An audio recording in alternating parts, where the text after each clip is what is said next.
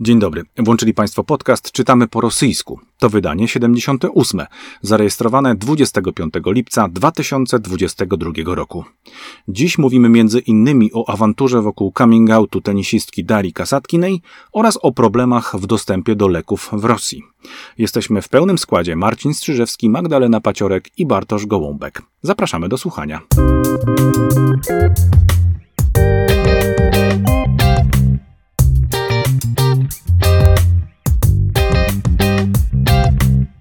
Dzień dobry Państwu, dzień dobry Panie redaktorze.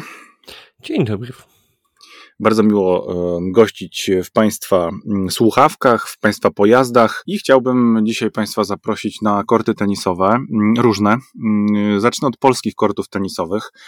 E, w minioną sobotę to było parę dni temu, w Krakowie naszym e, Iga Świątek podjęła swoich przyjaciół podczas e, takiego specjalnego spotkania. E, jego celem było zebranie funduszy dla dzieci poszkodowanych przez wojnę w Ukrainie. Mm, Rada Języka Polskiego zaleca, może nie zaleca, ale wskazuje, że miło jest mówić w Ukrainie. My się do tego stosujemy już od jakiegoś czasu. Mm, ta, to wydarzenie sportowe miało miejsce w Tauron Arenie. Y, tam odbyły się mecze z ważnymi, ze znanymi nazwiskami z tenisowego świata. Agnieszka Radwańska wystąpiła na korcie. Mm, byli też inni ważni e, sportowcy. Martyn Pawelski, Serhii Stachowski, była Elina Svitolina, zdalnie co prawda. Przedstawiciele władz ukraińskich e, również. Pojawił się Andrii Szewczenko. To wszystko miało miejsce w sobotę. Bardzo miła, bardzo ważna impreza. Mm, słyszałem, że Iga Świątek e, mówiła o tym, że mm, od dłuższego czasu chodziło jej po głowie, aby coś takiego, co wesprze poszkodowanych Ukraińców, poszkodowanych w wojnie Ukraińców, także dzieci ukraińskie, no, swoim nazwiskiem, swoim prestiżem, swoim potencjałem medialnym e, może to mm, zrobić. Zrobiła to faktycznie i e, poinformowano, że w ramach tego wydarzenia, jak dotąd przynajmniej charytatywnego wydarzenia, zebrano około 2 milionów złotych, a tych pieniędzy powinno wpływać trochę więcej. Ja jednak chciałbym Państwa zaprosić też na inne korty, zupełnie inne emocje również z nimi związane, ponieważ w ubiegłym tygodniu Oczywiście to jest wydarzenie medialne w dużej mierze, które będzie miało i dalsze konsekwencje. E, w ubiegłym tygodniu e, taki niepokój, co, naj, co najmniej niepokój w mediach rosyjskich e, wywołała mm, tenisistka rosyjska, 25-latka Daria Kasatkina. To jest dwunasta, jak to się mówi, chociaż nie bardzo mi to pasuje teraz tutaj, ale powiedzmy to tak, jak się to zwykło mówić w tym sportowym żargonie, dwunasta rakieta świata oraz pierwsza tenisistka Rosji. Daria Kasatkina udzieliła wywiadu mm, takiemu niezależnemu dziennikarzowi sportowemu, e, Wici Krawczence, e, przebywająca w Barcelonie, to znaczy w Hiszpanii, konkretnie w Barcelonie, ale na pewno w Hiszpanii. E, Daria Kasatkina mówiła o wielu swoich troskach, w tym także między innymi o wojnie, która trwa właśnie w Ukrainie. Rozpocząłbym od tego pierwszego cytatu właśnie wojennego, który pojawił się w ramach takiej rozmowy długiej E, na końcu, co prawda, ale myślę, że to jest e, dużo ważniejsze niż to, co powiedziałam, a co wzbudziło wielkie emocje w Rosji. Zacytuję, zanim Państwo usłyszą kasatki. Nie wyobrażam sobie, co oni tam przeżywają. To całkowity koszmar. Jeśli moglibyśmy cokolwiek zrobić, żeby to zatrzymać, choćby w jakiś drobnym procencie, mm, to dokładny cytat, e, ale właśnie, żeby mm, za nie zatrzymać e, tą wojnę, a nie wpływać na opinię ludzi czy coś tam, bez żadnych warunków zrobiłabym wszystko, co ode mnie zależy. Ale niestety, kurczę, to nie jest możliwe. Myślę, że to rozumiesz. Nic nie możemy zrobić, wpłynąć na właśnie na, na działanie. Posłuchajmy Kasatkiny. Ну, я не представляю, что они переживают. Это вообще полный кошмар. Если бы мы могли хоть что-то, блин, сделать, чтобы это остановить, хоть дать доли процент, именно чтобы остановить, не чтобы повлиять на мнение людей, еще что-то, именно вот остановить. Угу. Бля, вот без раздумий, все, ну, я бы сделала все, что от меня зависит. Но, к сожалению, блин, это, это невозможно. Я думаю, я думаю, ты понимаешь, что мы вообще никак не, не можем сделать повлиять. Вообще. Вот именно на действие. Kasatkina mówiła wiele rzeczy w tym, w tym wywiadzie, zresztą nie tylko ona wzięła w nim udział, ale największa eksplozja medialna nastąpiła po jej wyznaniu na temat orientacji seksualnej. Myślę, że każdy, kto kilka różnego rodzaju wywiadów obejrzał, a może nawet i przeprowadził, ma poczucie, że takie pytanie było uzgodnione z tenisistką. Dziennikarz z całą pewnością wiedział, jak e, to będzie rezonowało i faktycznie ten istotny wątek został tak specjalnie przygotowany. Informacja ta wybrzmiała, w, przynajmniej w moim odczuciu, w dość naturalny sposób, nie bardzo wymuszona, choć ustawiona to z całą pewnością. Kasatkina bardzo przytomnie e, też na pytanie na temat e, homoseksualizmu, relacji homoseksualnych w Rosji jako tematu zakazanego, odpowiedziała, że w Rosji jest tak dużo zakazanych tematów e, i to dużo ważniejszych, więc temu się nie dziwi. Posłuchajmy jeszcze raz e, Dari. У нас в стране столько запретных тем, и есть темы поважнее, да, которые запретные, что ну, удивляться как бы нечему. Dziennikarz rozmawiał także z Andrzejem Rublowem, też tenisistą. E, pojawił się tutaj także wątek wyjazdu z Rosji, albo raczej zmiany obywatelstwa przez e, sportowców, zwłaszcza młodych sportowców, którzy e, no, są blokowani siłą swojego pochodzenia na różnych dużych imprezach sportowych. Tak stało się też z samą Daszą Kasatkiną. Nie wystąpiła na Wimbledonie, ona zupełnie to, chociaż było to dla niej przykre, zrozumiała. No ale, ale drodzy Państwo, e, jak widać, takie tematy e, są dla Rosjan, mimo jak sama słusznie i bardzo przytomnie powiedziała Kasatkina, mimo dużo bardziej poważnych tematów, ten temat zbulwersował niektórych przynajmniej dziennikarzy w sposób radykalny i e, w awanturze takiej swoistej w kanale telewizyjnym Match TV wzięło udział kilku dziennikarzy, w tym także deputowany. Właśnie w wydaniu z 20 lipca, co miało miejsce w ubiegłym tygodniu, mm, odbył się swoisty taki sąd nad czarownicą Kasatkiną. E, można by powiedzieć, że ona jest czarodziejką tenisa, ale to akurat wyszło tak, jakby była czarownicą. No a w szczególności krytyczny wobec postawy mm, młodej e, tenisistki był deputowany Dumy Państwowej Sultan Hamzajew, który deklarację Kasatkinej określił jako wojnę hybrydową przeciwko Rosji. No mniej więcej tak to brzmi, to jest niesamowita wypowiedź. Program i poglądy pseudoekspertów, tak się przynajmniej wyraziła o nich, skrytykowała dosyć e, silnie dziennikarka tego kanału właśnie Match TV, Sofia Tartakowa. Ona zresztą jest e, szefową PR-u samej Kasatkinej i e, pani Sofia uznała, że ten program to jest polewanie e, tenisistki szambem. Oczywiście skupiono się tutaj przede wszystkim na dwóch kontekstach. Pierwszy, wyznanie odnośnie orientacji tenisistki, a drugie, no to są te oczywiście zagraniczne wpływy, którym ona bardzo istotnie e, e, podlega. Ta awantura w tym kanale Match TV przelała się w to, że Sofia Tartakowa, która też tam jest prowadzącą, została odsunięta od prowadzenia programów, ponieważ to ona, zdaniem szefa szefostwa kanału mm, no, wypowiedziała też wojnę hybrydową Rosji. No i trzeba powiedzieć też, że w zasadzie już rok temu mm, Daria Kasatkina udzieliła takiego wywiadu właśnie dla swojej szefowej PR-u, w którym, Boże, ten temat nie był bezpośrednio poruszony, ale na pewno był drążony. E, I e, otwarcie wtedy niczego oczywiście nie powiedziała Daria Kasatkina, ale jednak e, coś już można było ewentualnie przeczuwać. Przyjrzałem się przy okazji patrzenia na awanturę rosyjską wokół Kasatkinej na stronę WTA i tam obok niej właśnie, czyli 12 na dzisiaj, e, jak wcześniej już powiedziałem, rakiety na świecie, bez flagi obok, tak, pochodzenia, bez flagi wskazującej na kraj, z którego pochodzi tenisistka, występują także w tym rankingu na przykład Aryna Sabalenka, przy numerze, to jest numer szósty tego rankingu, e, oczywiście z Białorusi, Weronika e, Kudermetowa z Kazania, Rosjanka na numerze 19, to jest numer 19 w rankingu i Wiktoria Azarenka numer 20. Dwie Białorusinki, dwie Rosjanki bez możliwości eksponowania swoich flag. Tak przynajmniej to wyglądało chwilę temu na stronie internetowej WTA. Ten, e, to wydarzenie medialne, bo tak należy na nie patrzeć, ma e, kilka oczywiście e, perspektyw. Pierwsza z nich to jest kolejne planowane w Rosji zaostrzenie przepisów dotyczących propagowania nie, tak zwanych nietradycyjnych wartości. I tutaj specjaliści od budowania napięcia wokół tego tematu przygotowują już taki, taki projekt prawa, w którym w mediach, a konkretnie w filmach, nie będzie można w żaden sposób, e, nawet e, aluzjami e, właściwie wskazywać, że takie nietradycyjne relacje seksualne, jak się to określa, są w ogóle możliwe.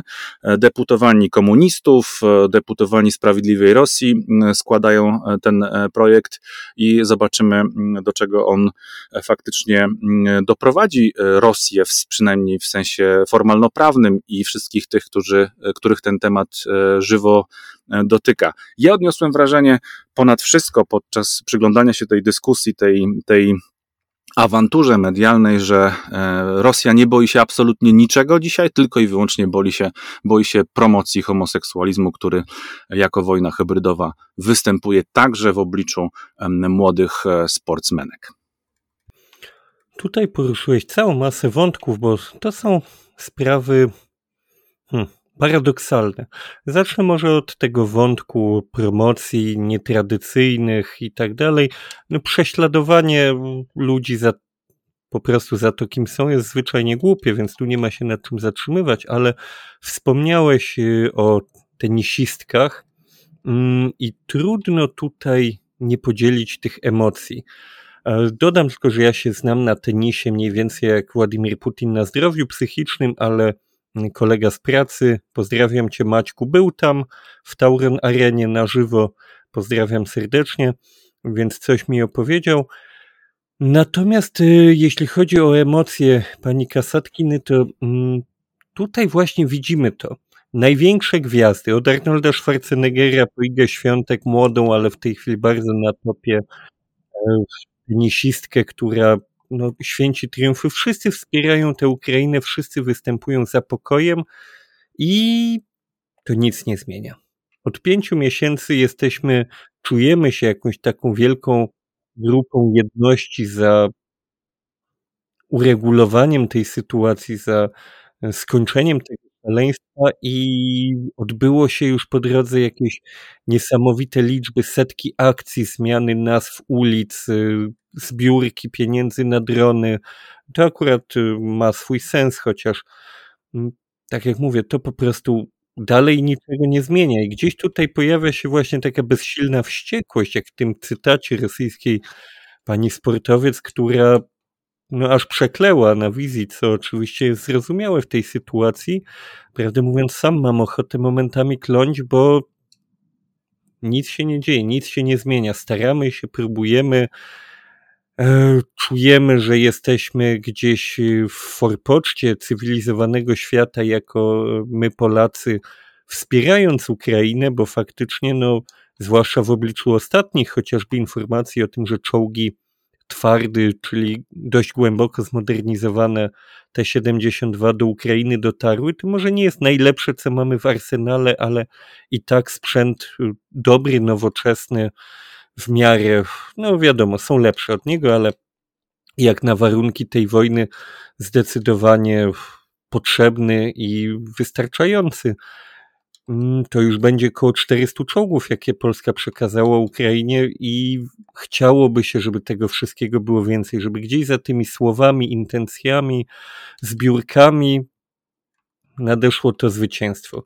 A mamy już piąty miesiąc, dopiero co minęło i dalej musimy żyć w tej frustrującej świadomości, że nie tylko cały czas giną ludzie, cały czas miliony, dosłownie miliony ludzi żyją w jakiejś e, chorej rzeczywistości, pozbawieni domów, wypędzeni ze swojego kraju, rozdzieleni od e, swoich bliskich, a jednocześnie musimy sobie myśleć, że trzeba dalej o tym mówić, żeby przypominać ludziom, którzy w medialnych, e, zalewie medialnych informacji gdzieś się powoli zaczynają tą wojną nudzić wręcz, bo takim jesteśmy gatunkiem, któremu gdzieś trzeba przypominać cały czas, jeśli to nie wydarzy nas bezpośrednio, jeśli tego nie widać, nie czuć, y, to po prostu schodzi to na dalszy plan i musimy sobie przypominać o tym, że taka sytuacja istnieje. Zresztą nie trzeba daleko szukać. Y, kiedy zagrożenie miało mikroskopijne wymiary i ciężko było je dostrzec na żywo, to także wielu poddawało w wątpliwość samo jego istnienie.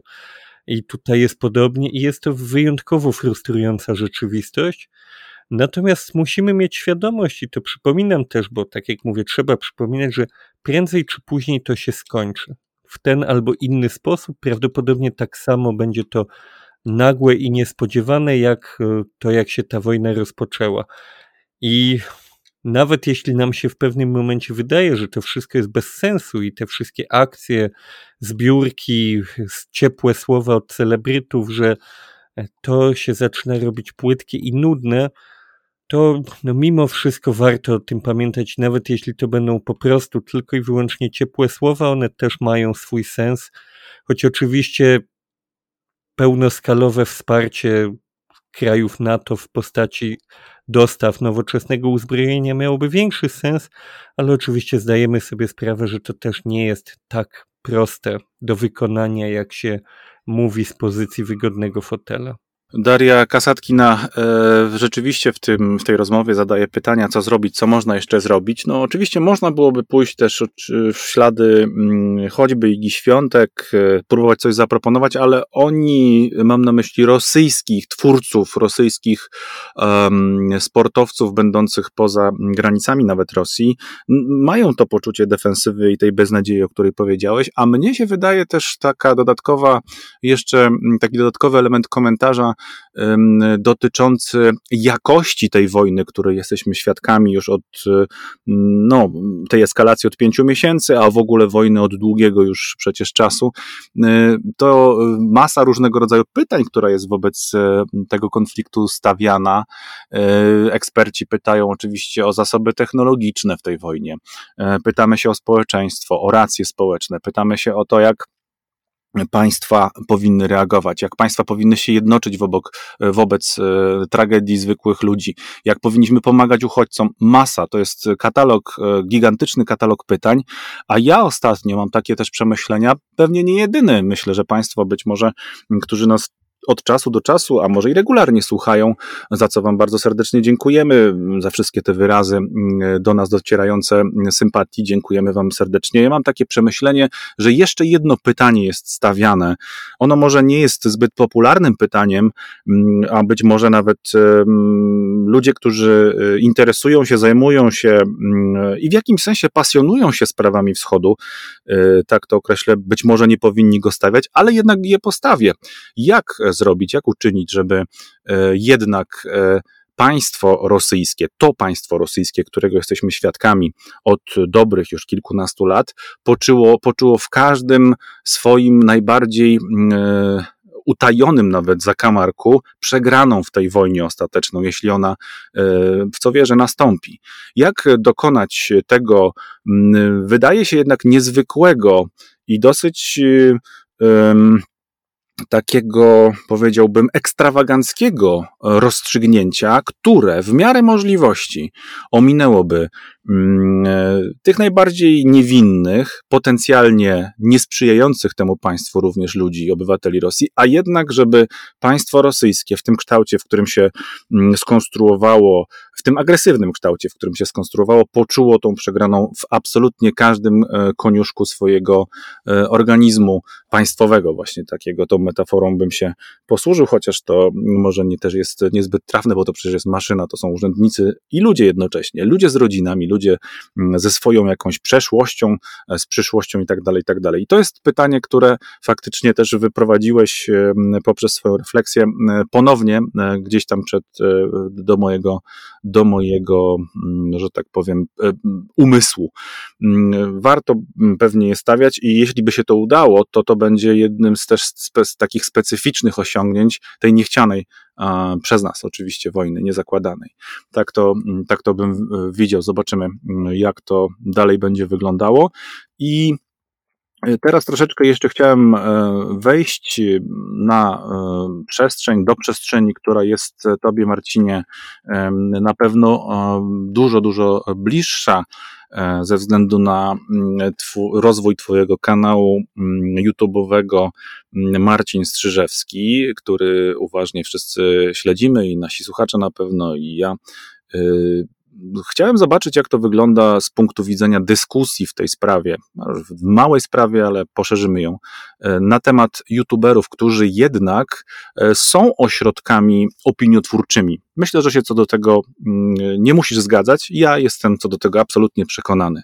Nie tylko media, nie tylko telewizja, nie tylko gazeta to są źródła opinii dzisiaj dla wielu z nas, ale także youtuberzy, którzy w sposób fachowy, rzetelny, chłodny, e, spokojny, z dowcipem także, to są Wiem, przymioty, które według mnie cechują Twoje wystąpienia na kanale YouTube, które prowadzisz. Więc e, ci ludzie też są twórcami opinii. No i Odwracam oczywiście medal, szukam tego w Rosji, tak? Zobaczmy, co się dzieje w Rosji. I być może Państwo, którzy trochę lepiej znają e, przestrzeń internetu rosyjskiego i tam e, właśnie funkcjonujących od dłuższego czasu twórców, e, znają także takiego właśnie youtubera, mm, komentatora właściwie, krytyka filmowego, nawet tak bym mógł o nim powiedzieć, mm, który mm, kryje się pod nazwą Bad Comedian.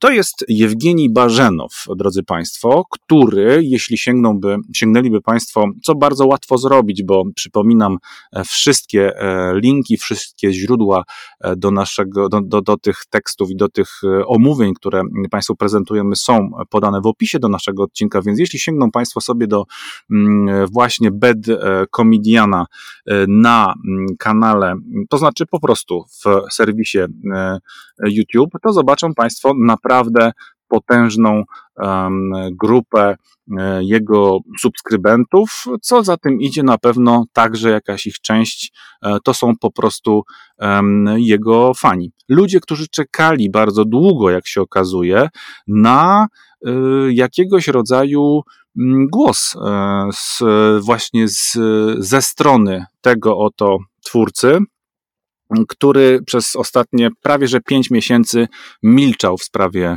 e, wojny, którą Rosja e, doprowadziła do takich szerokich, do tej szerokiej skali, którą cały czas obserwujemy. No i drodzy Państwo, Bad Comedian wypowiedział się. Wypowiedział się, e, to się stało dziewięć dni temu, ale dyskusja wokół filmu, który stworzył, a dla tych z Państwa, którzy nie znają tego kanału, chcę powiedzieć, że to jest prowadzony w taki właśnie sposób e, bardzo wysokotechnologiczny z jednej strony, z drugiej strony dowcipny, myślę, że dowcipny, można o tym tak mówić, mm, e, też e, złośliwy sposób prowadzenie swoistych recenzji omawiających różnego rodzaju mm, właśnie filmy, które e, bad comedianowi e, wchodzą do, do przejrzenia. No i rzeczywiście, jeśli popatrzymy tutaj na to, co mm, wyprodukował w, w ostatnim swoim wydaniu, no mamy do czynienia z pewnego rodzaju E, komentarzem również do rzeczywistości, na który tak wielu liczyło i na którym chyba wielu e, widzów tego kanału się jednak, wydaje mi się, zawiodło. Bad Comedian bowiem, drodzy Państwo, czyli mm, Jewgeni Barzenow, w 2 godziny i 38 minut, takiego właśnie w swoim stylu specyficznego wideoklipu, ze swoim komentarzem, z masą różnego rodzaju wtrąceń, mm, który no, w, duży, y, w, dużej, w dużej mierze jednak mocno miesza w głowie widzom. A ten materiał zatytułowany jest y, ni mniej, ni więcej jak e, rosyjska versus ukraińska propaganda w kino. Czyli rosyjska e, propaganda w kinie przeciwko propagandzie ukraińskiej. E, być może Państwo zastanawiają się, no cóż, youtuber, jak ich wielu, po cóż jeszcze roztrząsać tutaj tą tematykę. Myślę, że jeśli Państwo właśnie jeszcze nie do, nie, nie do końca rozumieją zasięg e, tego typu komentarza, e, no to chcę Państwu powiedzieć, że ten film od 16 lipca, co prawda, już dłuższy czas funkcjonuje w sieci, ale jednak zebrał blisko 9 milionów 700 tysięcy wyświetleń. Myślę, że nawet jeśli połowa z tych wyświetleń, czyli około 4,5 miliona, tak to ujmijmy, to są pełne obejrzenia tych dwóch godzin 40 minut, no to jakaś opinia na pewno zostanie tutaj wprowadzona do umysłów e, tych widzów. Styl jest e, specyficzny. Taka próbka króciutka, żeby Państwo posłuchali. Bad Comedian wkręca do tego swojego materiału także Zachód oczywiście i chcę powiedzieć, że w niespecjalnie przychylnych odcieniach on go pokazuje. Mamy tu na przykład do czynienia z fragmentem dubbingu z francuskiego filmu Transporter 3. Tam wystąpiła Natalia Rudakowa, między innymi przy mm, e, Jasonie Stathamie e, w roli e, Franka Martina on występował, a potem po tym cytacie, który daje Bad Comedian, pojawia się sam on właśnie youtuber i jeszcze cytat z Putina, posłuchajmy. Одна надежда на миролюбивый Запад. Я не русская, я украинка. Ну, извини меня. Не извиню. Мы совершенно другие люди. Другие здесь и здесь. Ты, блядь, в Ленинграде родилась! Впрочем, там же родился и Путин. Он что, украинец? Ты что, з глузду з'їхав чи що? No właśnie. E, ja bym powiedział tak. Wstrząsające w tym wszystkim jest to, wstrząs oczywiście jest e, miarą taką, powiedziałbym, subiektywną w tej sprawie, że e, tych blisko 10 milionów widzów e, tego właśnie materiału, tylko tego materiału, bo Bad Comedian ma dużo wyżej notowane mm, e, swoje filmiki tutaj umieszczone gdzieś na poziomie nawet 20 milionów, niektóre lądują, więc e, tych 10 milionów ludzi blisko mm, dowiedziało się właściwie tego, że nie wszystko jest takie jednoznaczne. O, tak to określmy. Nie все tak однозначно to bardzo popularna fraza e, w współczesnej Rosji, kiedy nie chcemy jednocześnie powiedzieć, że e, no, Ros Rosja ma krew na rękach w sprawie Ukrainy, a z drugiej strony no, jakieś problemy jednak były i w związku z tym chyba coś jest tutaj na rzeczy. Tak oględnie można powiedzieć. Bad Comedian tutaj bierze na mm, właśnie e, warsztat, swój swoisty warsztat, chcę to podkreślić, e, film Ruski Charakter, rzeczywiście mega propagandową produkcję na temat Krymu, na temat rosyjskiej tam aktywności jeszcze sprzed 2014 roku. Mamy tam też omówiony serial Ukraiński Gwardia mm, o najemnikach. No, jest na pewno e, bardzo poznawczy z jednej strony, ale z drugiej strony no naprawdę, drodzy Państwo, mocno miesza w głowach, szczególnie tym, którzy nie do końca rozumieją, w jakiej mm, rzeczywistości się znaleźli. I e, sięgnąłem przy okazji do takiego rankingu, który Państwo być może mm, już gdzieś u nas także mogli mm, o nim usłyszeć. E, to jest e, taki ranking, który budowany jest wokół różnego rodzaju kanałów internetowych, również serwisów internetowych, mediologia go podaje. Adres będą mieli Państwo, mają Państwo oczywiście w opisie. E, I tutaj mamy 20 kanałów YouTube'owych z czerwca 2022 roku o najwyższym wpływie e, na widzów, czyli o najwyższym e, właśnie tym współczynniku odtworzeń. Mamy tutaj zatem w pierwszej dziesiątce, drodzy Państwo, właściwie przede wszystkim kanały, które dotyczą czegoś takiego, co nazywa się z angielska challenge'ami, różnego rodzaju wyzwaniami, także z gwiazdami. To jest kanał kanał A4, to jest Marmok, to jest Dima Maslennikow, to jest The Brain Maps, to jest Litwin między innymi e, słynny, Edison PTS, Hyman, Kuplinow, to są też kanały poświęcone grom. E, I wśród tych dziesięciu kanałów, trzy tylko ze szczytu listy rosyjskich e, właśnie odtworzeń mają jasny przekaz odnośnie wojny, która e, w Ukrainie jest przez Rosję prowadzona, przeciwko Ukrainie jest prowadzona. To jest kanał zespołu Little Big, to jest kanał Sliwki Show a, i to jest kanał Jurija Dudzia, e, który to Juri Dudź w zasadzie no jednoznacznie już teraz kojarzy się z antywojennym też ruchem, sam został wciągnięty na listę agentów zagranicznych, ale te kanały, drodzy Państwo, i to jest dla mnie istotne, docierają przecież do bardzo młodego mm, pokolenia obywateli Rosji, i myślę, że jeśli trafiają na takiego właśnie twórcę, jakim jest Bad Comedian, który na pewno imponuje rozmachem produkcyjnym swoich e, wideo, no to też wyciągają pewnego rodzaju wnioski, jak już wcześniej powiedziałem, opinia. Przy tej okazji jeszcze chcę Państwu powiedzieć, że wśród najbardziej cytowanych e, w czerwcu 2022 roku dziennikarzy rosyjskich mamy Ksenię Sobczak, która e, jest przeciwna wojnie, ale jednak wróciła do Rosji, teraz przeprowadza wywiady i za granicami, i w Rosji się zdarza. A na dwóch kolejnych miejscach mamy e, flagmany, jakby powiedzieli Rosjanie, e, liderów propagandy Margaritę Simonian i Władimira Sołowiewa. Czegokolwiek by oni nie powiedzieli, e, taki jest z tego wniosek, będą na pewno cytowani. Taka sytuacja, Marcinie, ciekaw jestem Twojej opinii e, na temat opinii, którą wytwarzają youtuberzy. Znaczy zdecydowanie zacznę od tego, że tu się w pełni zgodzę. Tutaj nie chodzi o jakieś tam egocentryczne wątki, ale faktycznie no YouTube jest potężną platformą, która kreuje w tej chwili mm, oceny rzeczywistości w dużym stopniu, zwłaszcza w młodszym pokoleniu. Nie będziemy tego ukrywali. Natomiast zanim się bezpośrednio odwołam, to opowiem Państwu o fragmencie filmu, który widziałem niedawno. To był rosyjski film YouTubeowy takiego twórcy, on się nazywa Krupno-Kalibierny Pierie Paloch. To jest człowiek, który jest, no powiedzmy, niemałym youtuberem, ale dość niszowa to jest tematyka. On pokazuje przede wszystkim uzbrojenie i ma wyjątkowo dobre kontakty, jeśli o to chodzi, bo jest w stanie pokazać w akcji broń nawet taką cięższą. I akurat tutaj w tym filmie, o którym mówię, on pokazywał, jak strzelał z działka, w zasadzie ciężkiego karabinu maszynowego, zamontowanego na pojeździe Tigr.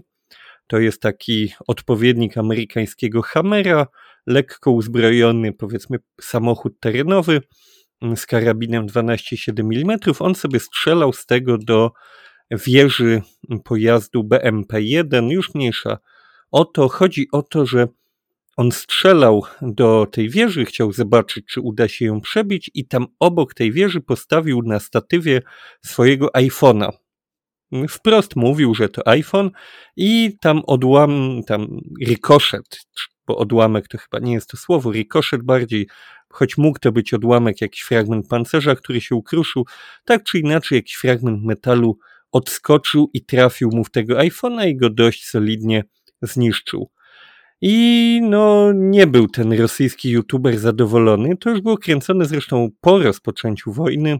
Na tym Tigrze, który zresztą jest pojazdem bardzo szeroko i często wykorzystywanym w czasie e, już bezpośrednio działań na ukraińskim froncie, była naklejka w kształcie litery Z, więc no, tutaj widać było takie dość e, wyraźne sympatie, a jednocześnie ten youtuber dosłownie płakał, no on tak żartował, że jego łez nie widać przez okulary, bo miał takie ochronne, więc może nie płakał naprawdę, ale widać było poważne niezadowolenie, że ten wspierający agresywną wojnę Rosjanin płacze za straconym iPhone'em amerykańskim, których w tej chwili można kupić w Rosji tylko w ramach tak zwanego alternatywnego importu, bo Apple nie wysyła swojej produkcji do do Rosji. To też jest mm, zastanawiający przypadek. Nie będę go bezpośrednio oceniał, ale jakbyście Państwo sami sobie byli w stanie wyciągnąć wnioski, wierzę, że będą ciekawe.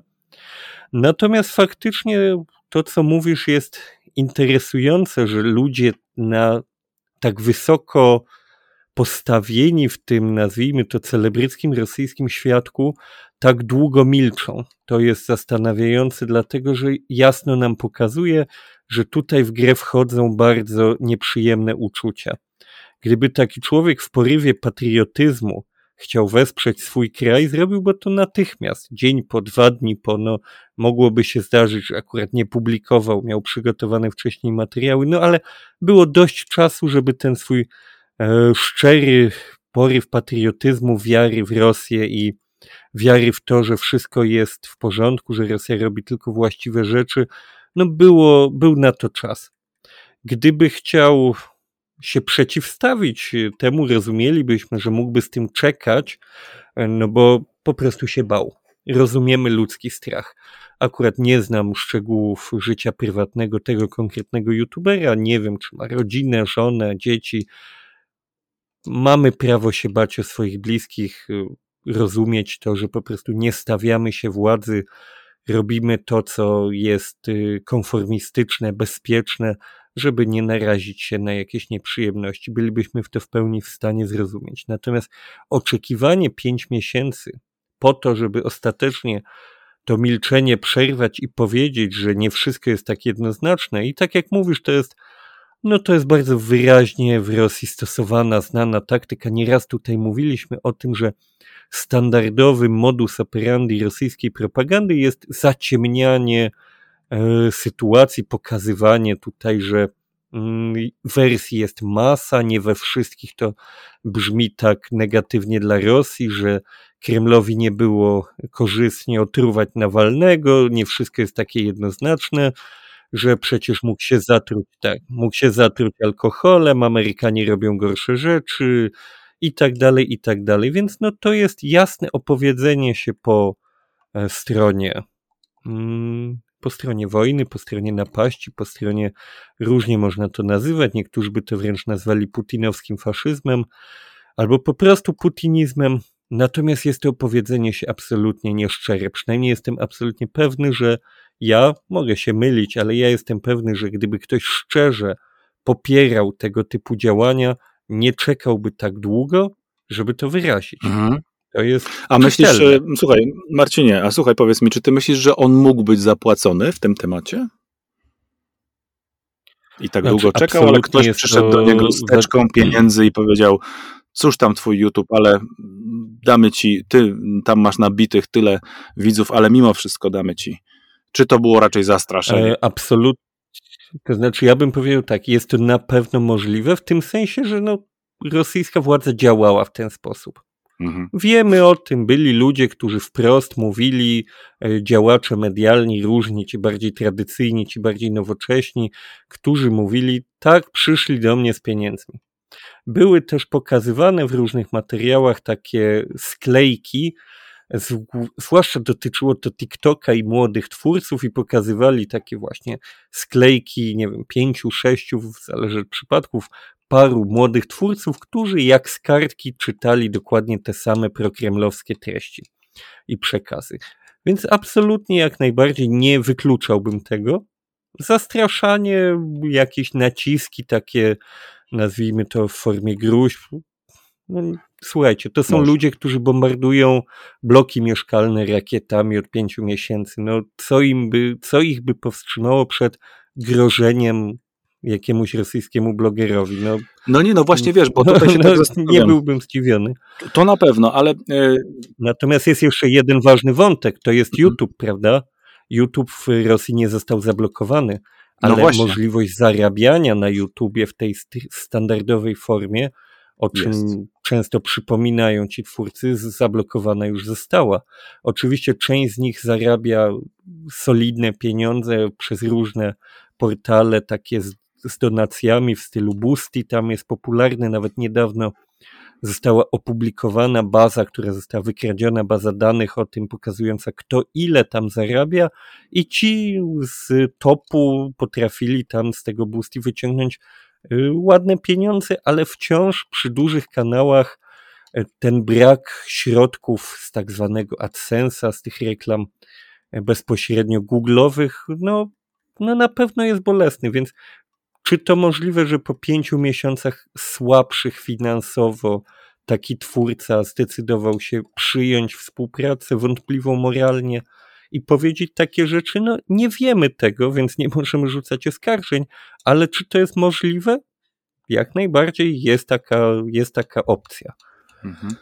No właśnie tak to wygląda. Niektórzy opuścili Rosję faktycznie, niektórzy dali mm, sobie e, na wstrzymanie, zbyt długo nawet, jak w przypadku Bad Comediana, e, i budzą tym samym podejrzenia. Dosyć sprytnie to rzeczywiście zaaranżowane zostało, bo tam naprawdę duża część filmu jest poświęcona propagandowej e, tej produkcji, mm, która e, dotyczy Krymu i kontekstów e, z tym związanych, więc to rzeczywiście może budzić pewnego rodzaju nawet szacunek, jak się nie zastanowić, do czego ostatecznie prowadzi cała ta narracja. Film Ruski Charakter, ja bardzo Państwu polecam, kto nie widział, żeby przekonać się, w jaki sposób przygotowywano już od dłuższego czasu mm, rosyjskiego widza, miłośnika takich filmów, które mają charakterystykę bajewik, do właśnie tego typu niechęci. To jest mało powiedziane wobec Ukrainy wobec e, tak zwanych nacyków, których e, łowią cały czas e, ci napadający. Drodzy Państwo, Marcin powiedział chwilę temu o wspieraniu, o donacjach, o podpieraniu. Nie tylko słowo się liczy, z całą pewnością byłoby nam miło, jeśli by Państwo sięgnęli do swych serc, ale także do portfeli i mogli nas wesprzeć przez Buy Coffee Tu. To zawsze bardzo miło na nas działa. W ubiegłym tygodniu uczynili taki gest, za który bardzo, bardzo Państwu dziękujemy. Pani Grażyna, Pan Paweł, Pan Mikołaj. Mm, jak najbardziej e, chętnie przyjmiemy dalsze donacje. Buy Coffee, tu link do tego serwisu jest e, bezpośrednio umieszczony pod każdym naszym odcinkiem. Nie trzeba e, niczego tam wpisywać, drodzy Państwo, nie obawiajcie się. Można w pełni anonimowo przejść przez tą właśnie mm, taką maleńką donację, którą e, my bardzo chętnie przyjmiemy. Marcinie, w takim razie przechodzimy do tekstów, które zainteresowały Ciebie. Zacznijmy sobie od takiego kontekstu bardziej europejskiego, ale rozpisanego przez komersanta, czyli znany z tradycjami portal, wcześniej gazetę, także rosyjską, z pewnym skłonem ku ekonomii. Medium znane z tego opisało w artykule sytuację na europejskim rynku gazu, a może nawet nie tyle na rynku, co w magazynach gazu. Bo faktycznie Wiemy, że dużo się ostatnio działo wokół tematu dostaw gazu dla Niemiec, ale tutaj w artykule dość ładnie to zostało podsumowane. Warto to przytoczyć. Zacznijmy może od tego, że faktycznie w połowie czerwca 14 Rosja zaczęła ograniczać dostawy gazu do Niemiec tak zwanym siewiernym patokiem, czyli gazociągiem Nord Stream. Wiemy, że Nord Stream 2 nie został uruchomiony, ale Nord Stream 1 funkcjonuje w tej chwili zresztą znowu. Później w dniach 11-21 lipca gazociąg był całkiem nieczynny. To było tłumaczone mm, zatrzymaniem turbiny, która tłoczyła gaz do rurociągu po stronie rosyjskiej. Turbina znajdowała się w Kanadzie na obsłudze takiej technicznej. Tu warto powiedzieć, y, słuchałem sobie specjalistów rosyjskich mm, zajmujących się właśnie tą tematyką ropy i gazu. Oni twierdzili, jeden z nich twierdził, że to w ogóle był pretekst, bo takich turbin w stacji jest 8 sztuk i one działają naprzemiennie, a nie wszystkie naraz i tak naprawdę nie było powodów innych niż polityczne, żeby całkowicie zatrzymywać te dostawy gazu. Mm, później po 21 lipca, czyli ledwie parę dni temu, te dostawy się rozpoczęły z powrotem, natomiast nie w pełnym stopniu, to znaczy wykorzystywanych jest tam około 40% możliwości tego rurociągu.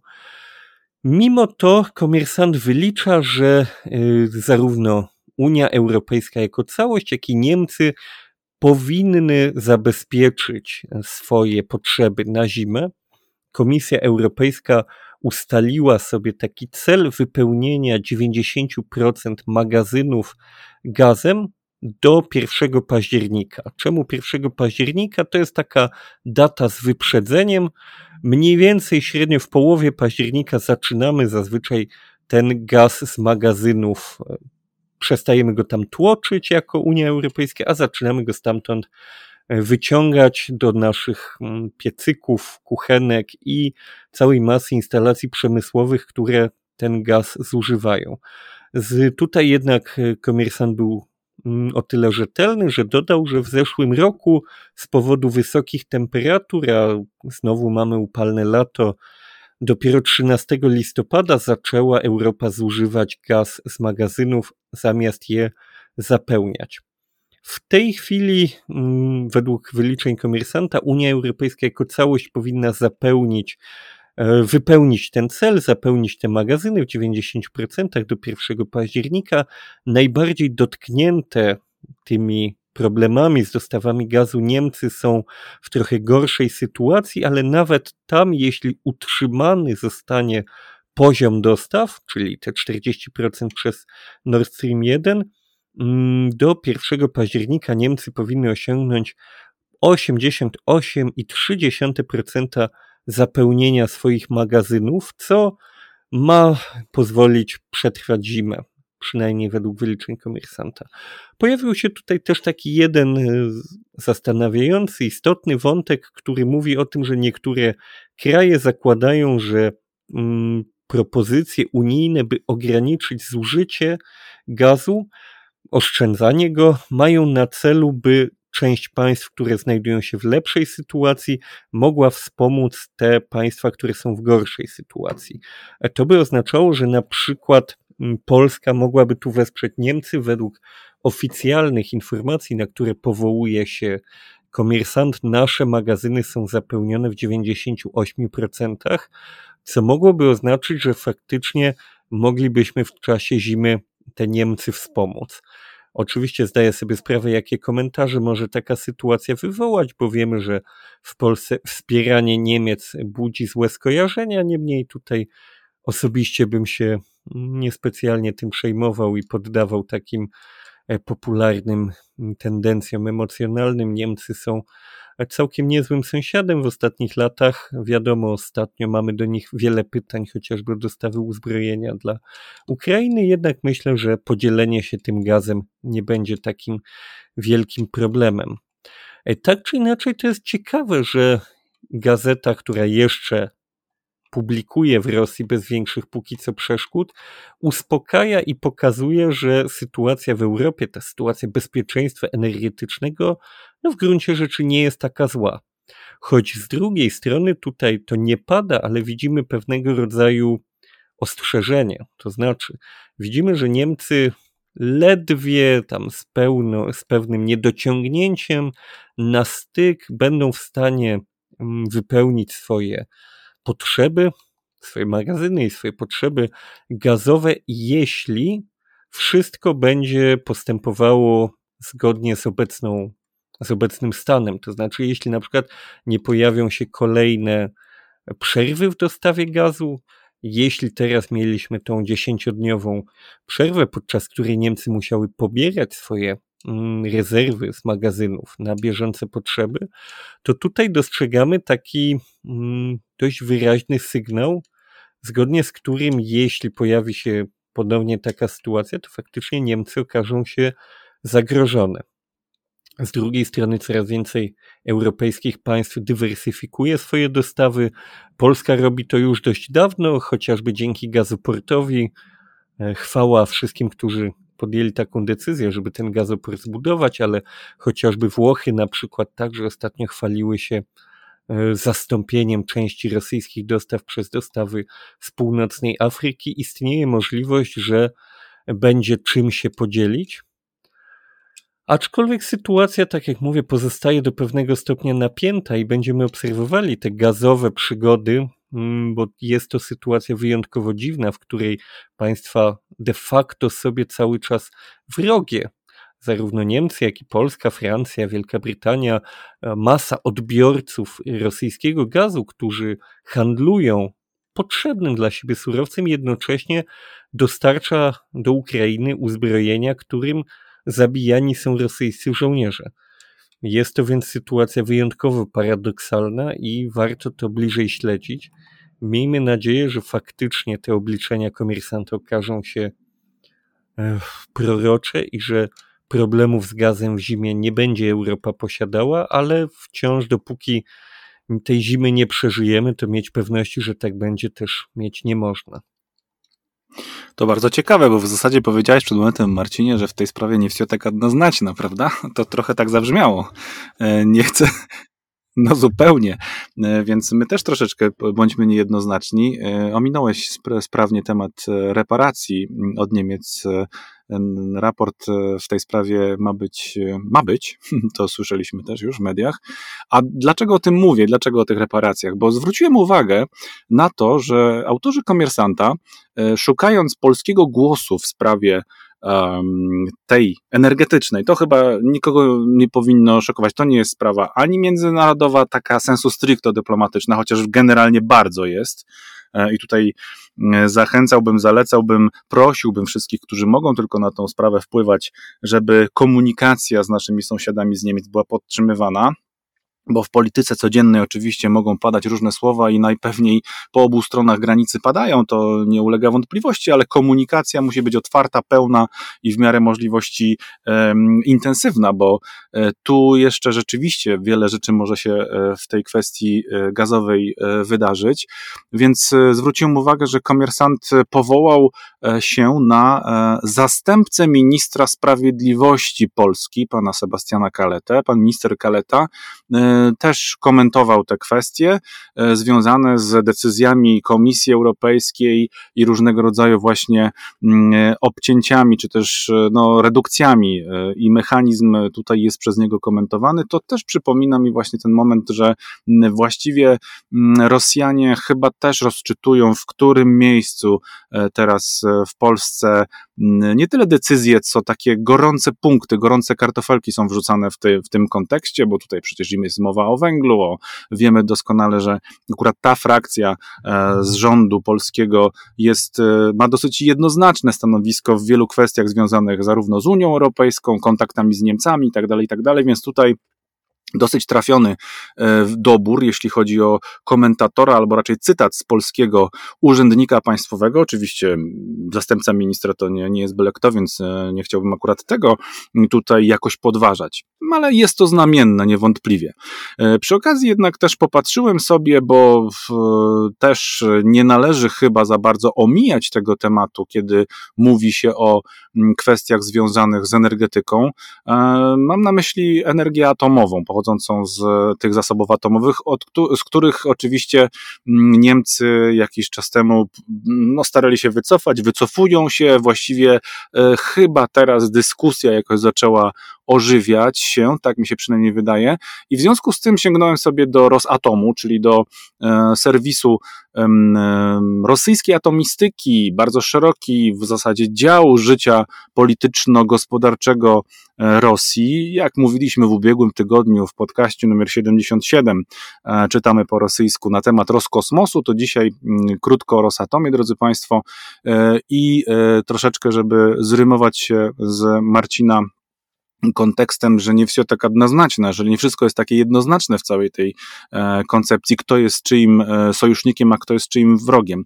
Otworzyłem sobie bowiem, drodzy Państwo, pod stronę Rosatomu, na której m, mm, ta firma, ta korporacja, to ministerstwo, w zasadzie takie nazwijmy, chwali się swoimi inwestycjami poza granicami, e, między innymi poza granicami Federacji Rosyjskiej.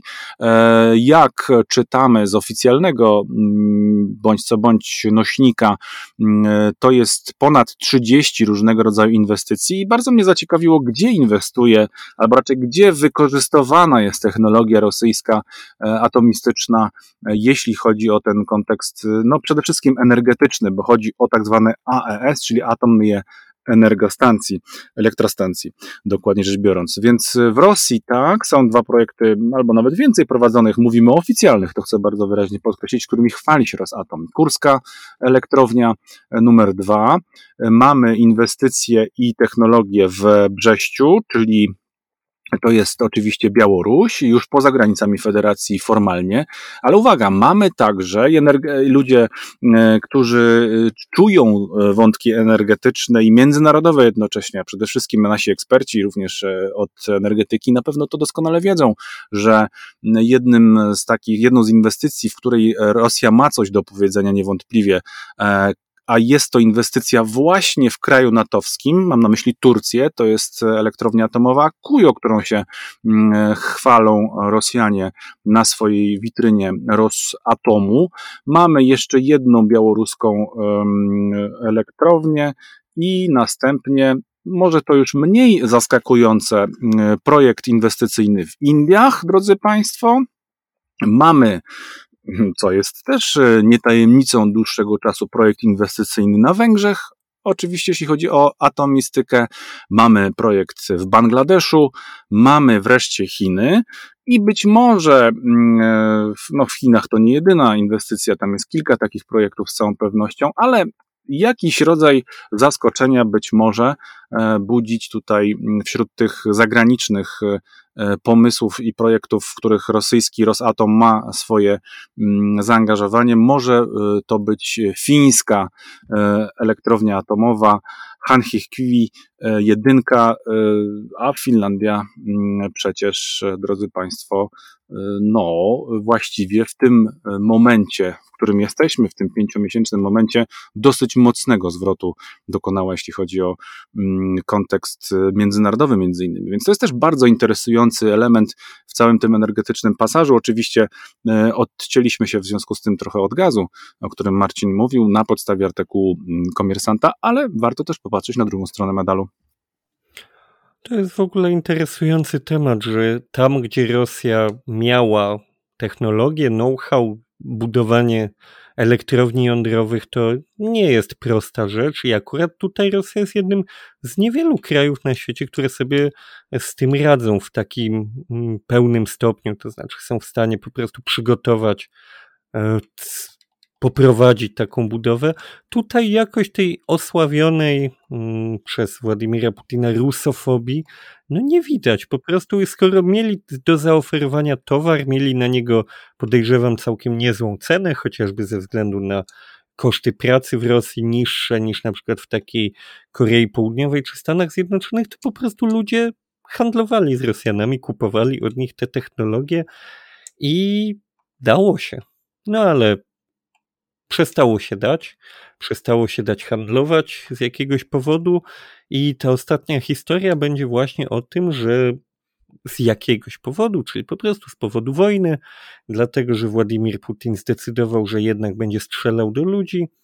Teraz wielu Rosjan ma poważne problemy. Nowa Gazeta Europa, czyli Nowa Gazeta Europa, napisała taki tekst, który został zatytułowany Będziemy leczyć gwoździami. To jest w zasadzie Brzmi intrygująco. Brzmi intrygująco. Zbiór jest y, kilku różnych opowieści lekarzy, pacjentów, którzy opowiadają o tym, z dostępem do jakich leków i terapii w Rosji jest problem.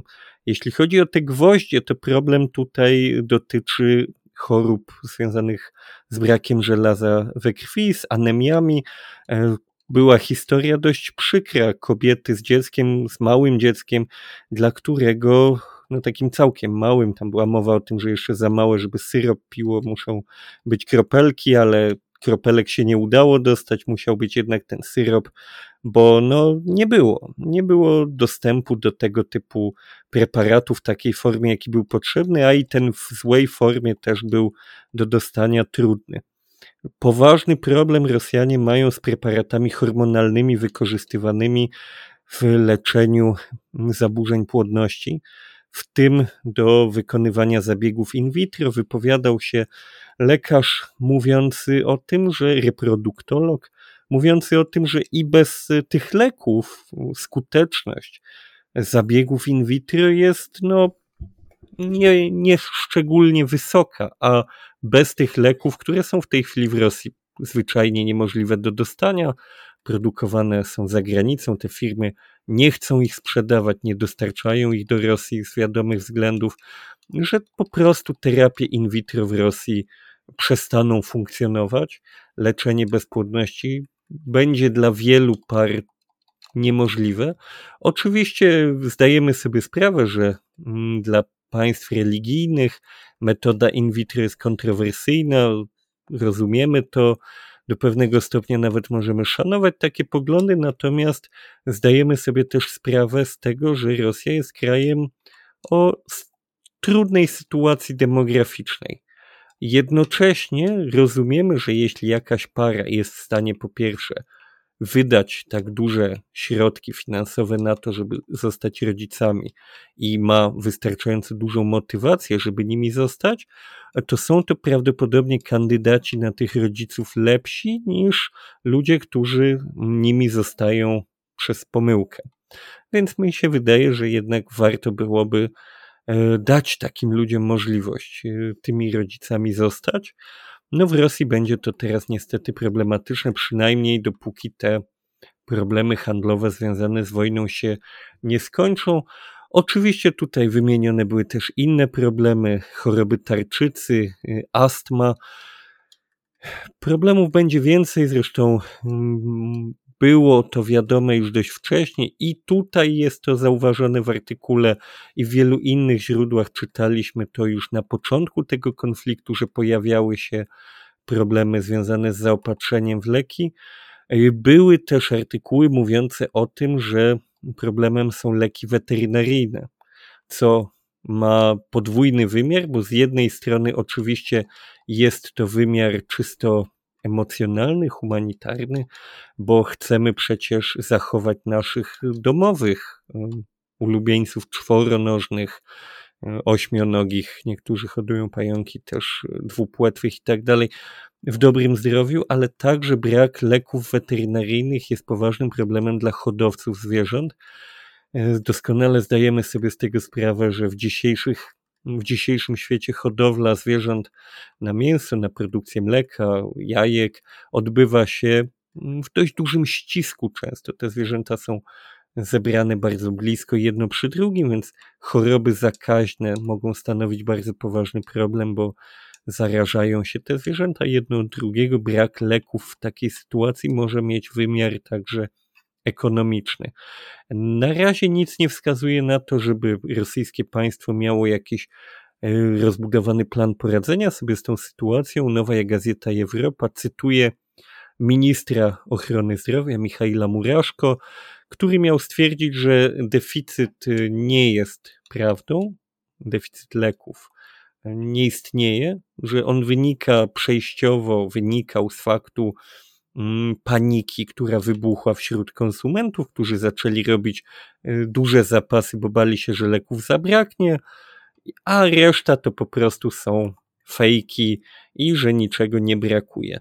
Więc trudno rozwiązać jakiś problem, jeśli się nie przyznaje, mm, nie potwierdza jego istnienia, nie akceptuje się, że ma się ten problem, więc prawdopodobnie ten problem będzie istniał dalej. Oczywiście w każdym społeczeństwie liczba tych ludzi, którzy potrzebują stałej terapii farmakologicznej, żeby przeżyć, jest ograniczona. To nie są szerokie masy, natomiast już jeśli pomyślimy o ludziach, którzy stracą komfort życia, których stan zdrowia będzie się systematycznie i długo pogarszał bez tych leków, to już liczba tych ludzi robi się większa. Jeśli pomnożymy obie te liczby przez liczbę ich bliskich, którzy są ich losem e, zaniepokojeni, to może się okazać, że faktycznie w którymś momencie to będzie jeden z motorów jakichś społecznych niepokojów, chociaż przyznajmy to nie pierwszy raz rosyjskie społeczeństwo zaskakuje swoją biernością w obliczu sytuacji. Może się okazać, że nawet y, dziadek umierający z powodu braku leków, czy dziecko, małżonka, no niestety, mówiąc wprost, takie sytuacje po prostu będą się teraz zdarzać. Nawet to być może nie wystarczy, żeby tych ludzi ostatecznie obudzić.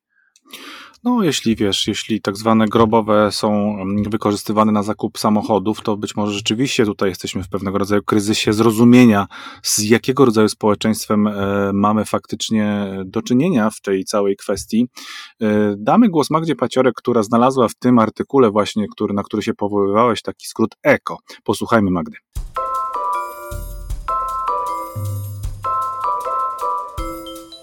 W artykule z Nowej Gazety pojawia się akronim ECO. Zapewne pierwsze wasze skojarzenie to skrót od ekologiczny i faktycznie jest mnóstwo słów, które odpowiadają temu znaczeniu. Na przykład ekosystema, ekoforum, ekosfera i tak. Niemniej jednak w kontekście medycyny samo słowo eko to skrótowiec, który rozwiniemy jako ekstrakorporalne aplodotworzenie czyli zapłodnienie pozaustrojowe, znane pod nazwą in vitro. Zwrócę też Waszą uwagę, że akcent pozwala odróżnić te słowa. Akcent pada na e w słowach dotyczących ekologii. A jeśli chodzi o medycynę, akcent pada na ostatnią samogłoskę, czyli o. Porównajcie eka i eko. Jako jeszcze małą ciekawostkę dodam, że w artykule pojawia się jeszcze jeden ciekawy skrót. Pabłoćka pochodzi od słów poboczny efekt, czyli efekt uboczny. To jakbyśmy w polskim utworzyli od tego słowo uboczek, ale u nas to by się za bardzo kojarzyło z mięsem.